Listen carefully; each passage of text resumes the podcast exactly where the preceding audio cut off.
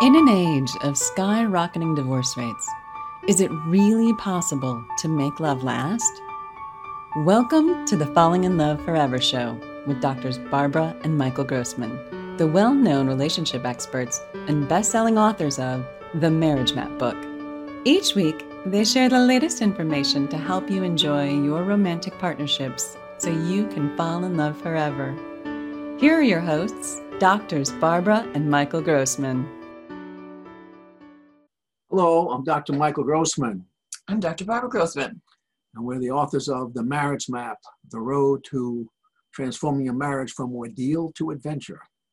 We conduct classes on marriage and romantic relationship in order to create ongoing love and appreciation of each other, and what we describe it as falling in love forever with your current romantic partner. And that's a road to create that transformation. Tonight, we're going to focus on the value of gratitude to create more sex and better sex in your romantic relationship. So let me let Barbara talk about it for a moment. It's important that we appreciate our partner and show our appreciation by uh, making um, specific um, words of gratitude for what we've received. It's not taken for granted. This is part of the, the nurturing and giving and take of relationship that builds friendship and trust. And it's um, so important in your bonding and in your sense of partnership. Uh, we think that it's important to not let those those uh, supportive behaviors go unappreciated. And so we encourage our couples to articulate that on a regular basis course, the, the kind of friendship and bonding that comes from doing for each other and giving to each other is not going to make for romance. It's important that we, we understand the dynamics of romance and how romance uh, needs to continue over the decades. So what what happens in romantic relationship is that we start up having a distance from each other. That we meet our partner and different than us and we begin to appreciate who they are and how they act.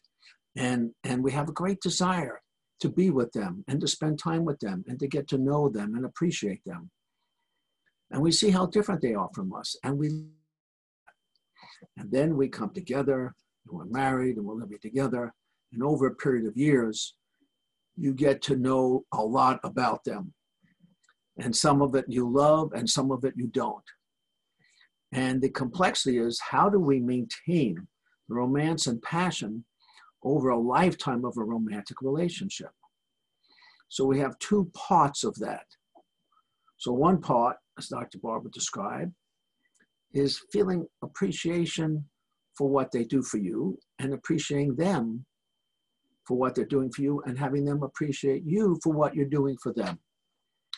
And that creates a kind of closeness, a kind of appreciation for what you're doing for each other.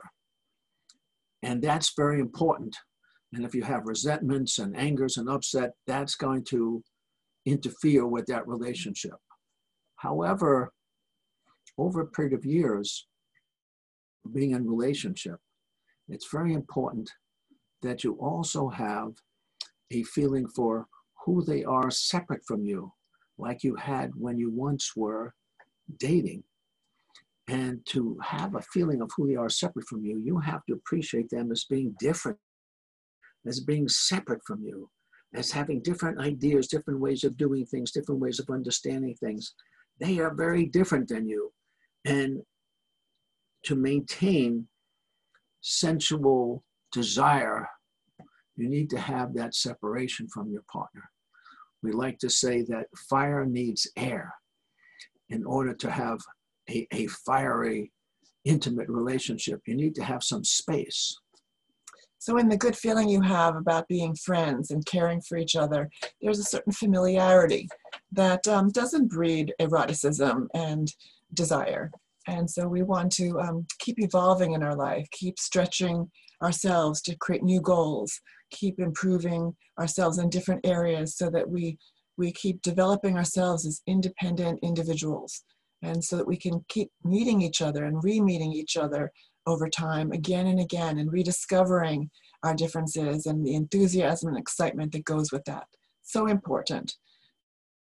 We do that uh, for each other, for foremost for ourselves, but also to keep our relationship um, exciting, and because the, the the desire comes from wanting to bridge the difference.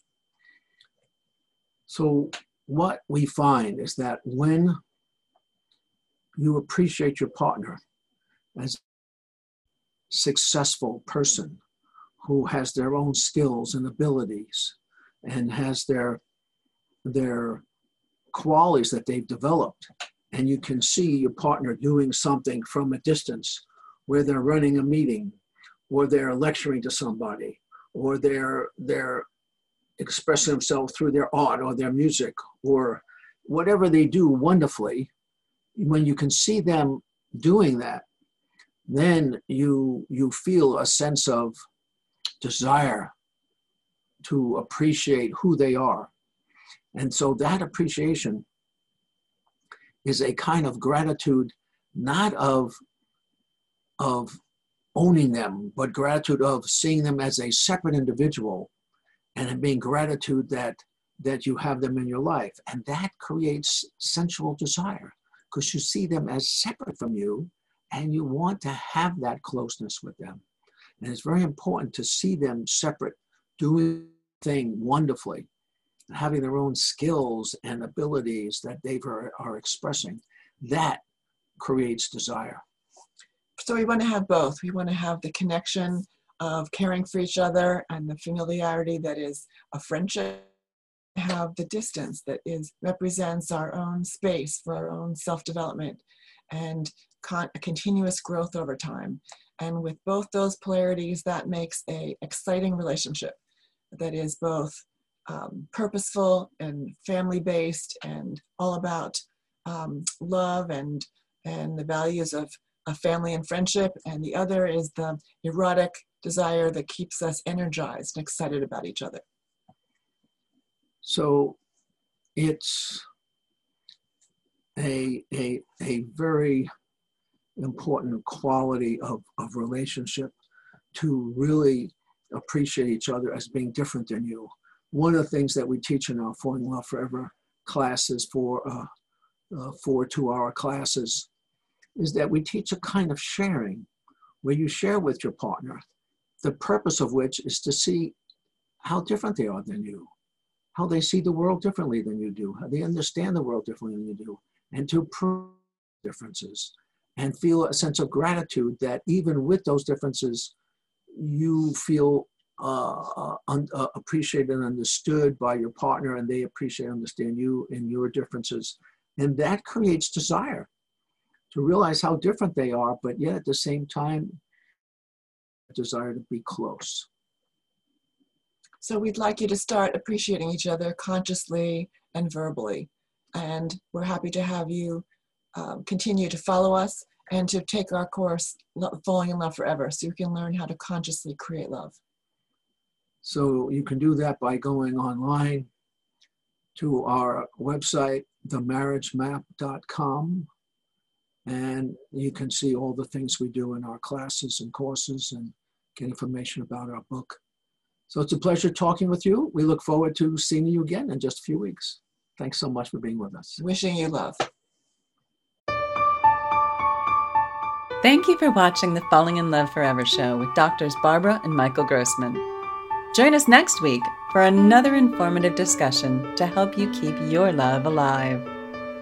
Be sure to visit us at themarriagemap.com or find out about our relationship classes at fallinginloveforever.com.